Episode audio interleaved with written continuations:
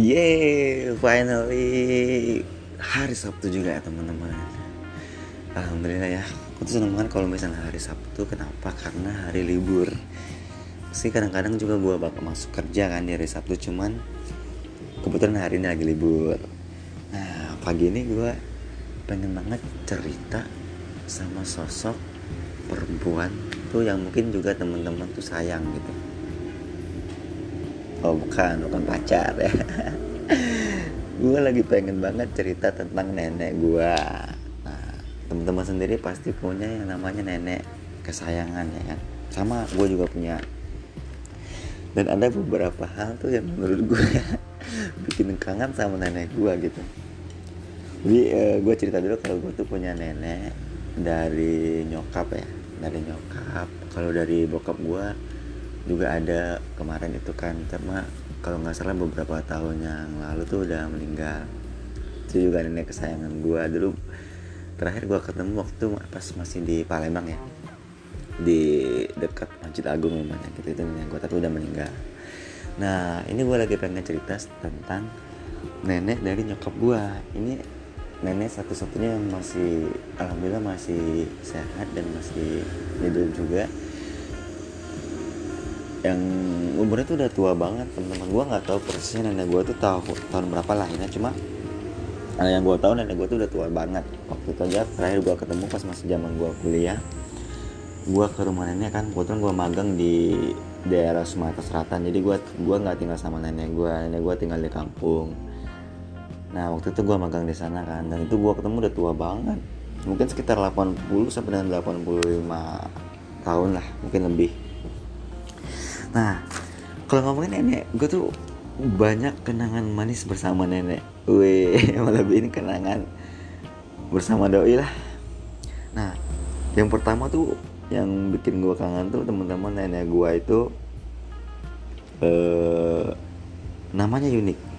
Nama nenek gue tuh enggak enggak. Nenek gue tuh dipanggil di keluarga gue tuh dijulukin sebagai nenek burung. Serius. Jadi jadi nenek gue tuh nenek burung gitu. Pokoknya ada dipanggil nenek burung. Nah gue nggak tahu kenapa dipanggil nenek burung. Setelah gue cari tahu ternyata nama nenek gue itu Marpati. Iya namanya Marpati. Makanya dia dijulukin nenek burung gitu. Coba lo bayangin kalau misalnya nyokapnya nenek gue itu waktu itu nggak ngasih nama Marpati. Tapi ngasih nama misalnya Mas Pion atau Leon Star lah. Masa iya gue manggil nenek gue nenek gayung ya kan? Coba lu bayangin gitu. Lagi momen-momen lebaran gitu kan nenek gue datang ke rumah. Gue lagi di kamar nyokap gue manggil. Nopri sini ke ruang tamu dulu nenek. Gayung datang. Mana nenek Gayung ya udah masukin bak mandi aja. Kan kan enggak gitu juga kan cuma suka ya unik sih. Menurut unik. Nama-nama zaman dulu tuh emang unik termasuk nama nenek gua. Jadi gua tuh kangen banget sama nenek burung ya. Buat nenek burung sehat-sehat terus. Nanti insya Allah cucu yang cucu nenek yang paling ganteng bakal main ke kampung ya nah yang kedua nenek gua itu umurnya 80 tahun teman-teman. Nah umurnya 80 tahun dan uh, di umur dia yang segitu nenek gua tuh masih cakep banget. Masih cakep banget. Ini kalau dibayangin tuh misalnya nih sekarang di nenek gua ketemu sama teman-teman satu liting dia ya kan? Gue yakin nenek gua paling cakep. Nenek gua paling cakep. Nah ini jangan-jangan nenek gue tuh dulu kembang desa ya kan? Yang namanya kembang desa disukai banyak cowok. Weh ini jangan-jangan nenek gue playgirl. Mudah-mudahan sih enggak ya. Mudah-mudahan sih enggak. Nah teman-teman umur nenek gue tuh sekitar 80 tahun gitu. Artinya nenek gue tuh masih hidup di zaman penjajahan Jepang. Ya kenapa gue tahu? Karena waktu itu gue pernah cerita sama nenek gitu kan. Ya gue gue iseng-iseng aja gitu. Gue tuh gue tuh uh, tipe cucu tuh yang sering duduk di samping nenek gitu. Jadi gue lagi nenek lagi sendiri itu jadi gue deketin ya gue pijitin gue cerita cerita nah waktu itu ada momen di mana gue ngobrol bareng nenek gitu. Waktu itu kalau nggak salah gue tanya kan. Jadi gue penasaran karena umur nenek tuh udah tua banget gitu kan. Karena kayak nek dulu pernah nggak sih nenek tuh uh, nenek tahu nggak sih tentang Jepang setelah gue tanya itu gue tuh kaget banget. Nenek gue tuh dengan umur nenek segitu dia bilang ya dulu nenek pernah hidup di zaman penjajahan Jepang. Bahkan nenek gue hafal semboyan Jepang gila kan? Masa nenek gue bilang gini? Oh Jepang iya.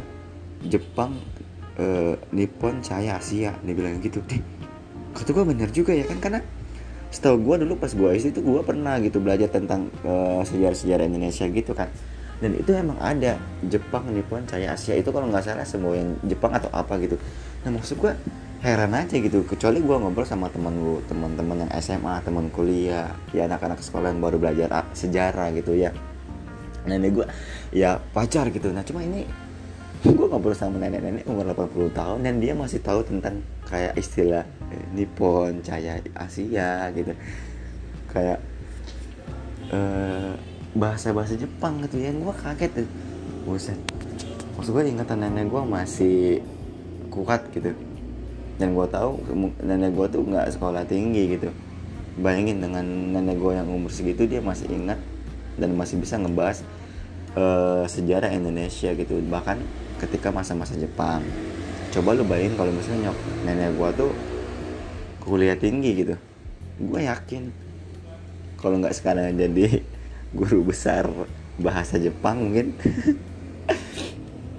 Nah itu baru dua eh, hal-hal yang bikin kangen nenek gua gitu. Yang ketiga nenek gua tuh orangnya tuh masih mau banget kerja gitu. Dalam artian dia itu tipenya pekerja keras serius bahkan di umur dia yang sekarang tuh masih aja gitu kerja dan uh, gue kasih contoh hal kecil tuh di, di kampung gue tuh namanya di Ujan Mas. Itu daerah Muara ini di kabupaten salah satu kabupaten di Sumatera Selatan. Nenek gue tinggal di sana. Nah di sana kebetulan nenek tuh punya ladang gitu kayak sawah-sawah kecil lah kayak padi, duren, e, manggis gitu-gitu kan. Nah nenek gue tuh setiap pagi tuh masih setiap hari tuh masih mau ke sawah ke ladang. Masih mau kerja gitu. Apa pun dikerjain. Motong rumput uh, ngituin pohon karet nyemen. Gila kan? Terus gue dengan umurnya yang segitu udah gitu. Bahkan uh, Mak Wo, Mak Wo itu kakaknya dari nyokap gua tuh sering ngebilangin kan dia kan tinggal bers, tinggal bareng kan sering ngebilangin nenek gitu nek nenek tuh udah jangan jangan kerja lagi udah di rumah aja gitu makan minum kopi nonton TV udah di rumah aja gitu. Nenek gua sih iya iya aja. Tiba-tiba pagi-pagi jam 9 malam bawa cangkul pergi ke ladang gitu. Aduh kuat banget gitu. Nah terus nenek gue tuh pekerja keras dan gue tuh nggak kebayang aja gitu kalau misalnya nenek gue tuh tiap hari masih kayak gitu gitu. Coba lu bayangin kalau misalnya nyokap gue ataupun gue ngelarang gitu. Kayak misalnya udah nenek nggak usah kerja lagi gitu di rumah aja. Mungkin nenek gue di rumah aja gitu. Nah terus juga hal unik lainnya nenek gue tuh masih bisa baca koran. Gila. Masih bisa baca koran dan nggak pakai kacamata. Gue tuh kadang-kadang takjub sama nenek gue gitu. Kenapa sih orang-orang zaman dulu tuh emang e, istilahnya sehat gitu ya. Kayak kita aja zaman sekarang udah pakai kacamata. Dan, dan gue tuh pernah nemu nenek gue tuh baca koran. Bahkan nenek gue tuh masih sering baca koran baca baca yasin baca Al-Quran Al-Quran yang kecil-kecil gitu dan masih kebaca gitu. Ya gue salut aja dan gue berterima kasih banget sama Allah gitu. Dan gue masih bisa baca dan masih mau membaca gitu. Nah coba lu bayangin kalau misalnya nenek gue tuh uh, nggak lagi kerja kerja yang keras gitu. Misalnya dia nggak lagi pergi ke sawah. Ya kan? Dibilangin lah sama nyokap gue nenek ya udah nenek di rumah aja jangan ke mana-mana lagi. Jangan ke ladang lagi kasihan udah tua capek. Terus nenek gue bilang iya ya udah nenek baca koran aja. Pas dia kasih koran nenek gue baca koran. Eh nyari lowongan pekerjaan. Aduh nenek nenek jadi kangen.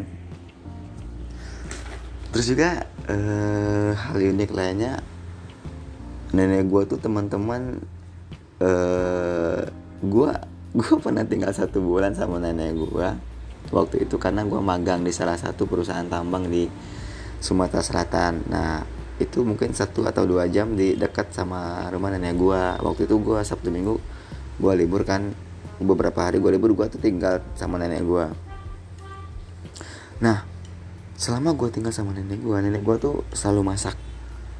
Nggak pernah beli selalu masak karena dia suka masak. Cuma masalahnya nenek gue tuh masak masak itu itu terus gitu. Serius.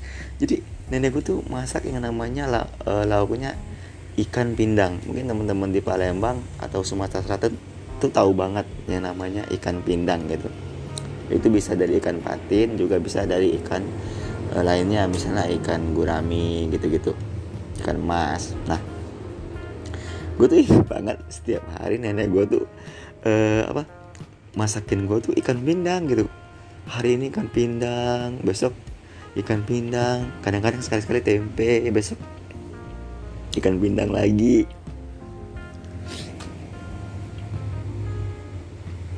Maksud gue nggak bosen apa gitu masaknya ikan pindang terus ikan pindang terus ini pure ikan pindang terus gila. Bahkan gue tuh pengen nanya gitu nek kenapa sih nenek uh, masakin tuh tiap hari tuh ikan pindang terus? Ya gue tuh bosan gitu. Tapi gue gak berani kalau kayak gitu. Nah ini gue takut aja gitu gue takut dan curiga jangan jangan nenek gue tuh cuma bisa masak ikan pindang doang selama hidupnya gitu cuma satu menu doang. Tapi ya gue terima kasih banget sama nenek nah makanya buat temen-temen tuh kalau bisa tuh ya uh, mungkin ya mungkin nih cowok-cowok tuh suka dengan cewek yang bisa masak banyak gitu. Tapi nggak ada salahnya kalau misalnya lo uh, cuma bisa masak satu menu doang kayak nenek gua. Nah uh, terus uh, yang tapi nenek gua tuh di umur yang segitu nenek gua tuh ini teman-teman nenek gua tuh uh, ada penyakitnya penyakitnya tuh ya penyakit tua bukan penyakit yang benar-benar gimana gimana cuma penyakit nenek gue tuh yaitu tuli. Jadi gue kalau ngobrol sama nenek gue tuh harus bener-bener kuat atau enggak harus di deket banget sama kupingnya itu sama telinganya.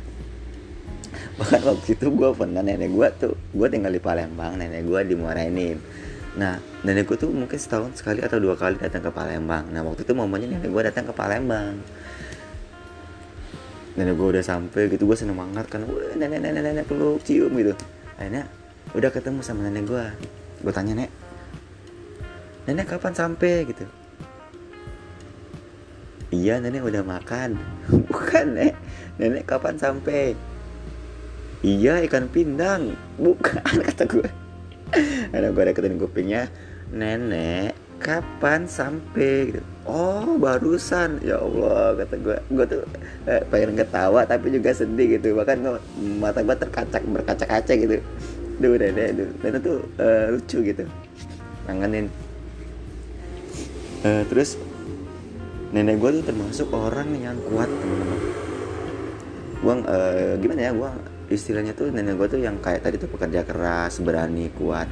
Nah, kenapa gue tahu nenek gue kuat? Dulu gue pernah diceritain sama nenek gue. Kalau gue tuh dulu dulu gue pernah diambil monyet. Serius demi Allah gue pernah diambil monyet. Atau mungkin kalau teman-teman tahu itu siamang. Nah, siamang itu kayak monyet tapi gede gitu. Nah, kan gue kan tinggalnya di dulu masih kecil masih tinggal di desa ya di kampung yaitu di namanya uh, hujan emas di Muara Enim Sumatera Selatan. Nah, namanya rumah-rumah di kampung tuh kayak rumah panggung gitu. Nah, rumah nenek gue tuh rumah panggung, di depannya sungai, di depan-depannya hutan, pokoknya masih hutan semua. Nah, waktu itu gue pernah diceritain kalau misalnya gue pernah diambil sama monyet. Maksudnya diambil sama monyet ketika gue bayi itu gue pernah ditimbang sama monyet.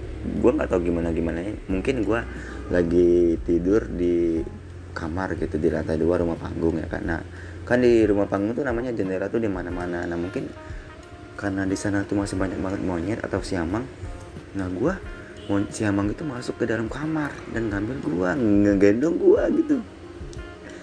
Akhirnya mungkin kegap sama nenek gua. Ketika nenek gua tahu cucunya mau diambil monyet ya kan?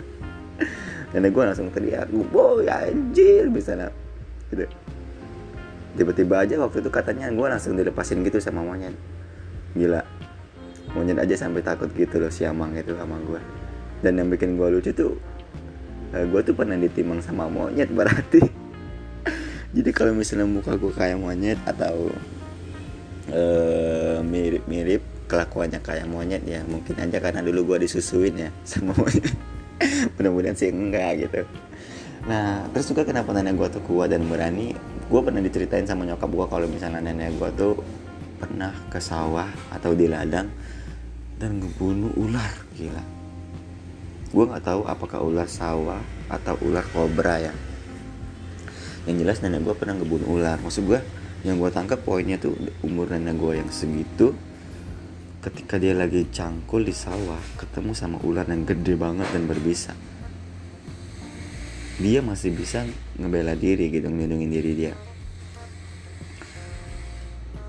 dan gue tuh sebagai cucunya tuh kayak ngerasa aduh gila nenek gue kuat banget. Coba kalau gue gue tuh jangankan ular teman-teman. Sama Linta aja sama Pacet nangis gue takut. Meskipun gue tuh suka naik gunung tapi gue tuh takut geli gitu. Gue tuh takut banget sama Pacet sama Linta. Gila gila gila. Uh, takut gue pokoknya buat nenek gue mudah-mudahan sehat-sehat terus. Aduh gue tuh kangen banget sama nenek burung ya. Nenek burung marpati namanya. Um, banyak banget yang gue bakal ceritain tentang nenek gue nah gue tuh penasaran aja sama teman-teman gitu. Kalau teman-teman punya cerita unik tentang neneknya teman-teman bisa cerita dan sharing sama gue gitu. Mungkin aja kelakuan kelakuan nenek gue yang unik ini sama kayak nenek-nenek kalian ya terima kasih teman-teman sudah dengerin gue 17 menit. Ketemu lagi di Nopri Podcast. Jangan bosan-bosan dengerin Nopri Podcast. Dan juga gue ada yang namanya kata Nopri nah di situ ada kata kata-kata yang gue buat sendiri. Yang mungkin teman-teman tuh ngerasain dan kena banget sama kata-kata itu. Teman-teman bisa follow di kata Nopri terima kasih teman-teman. Selamat hari Sabtu. Have a nice day. Thank you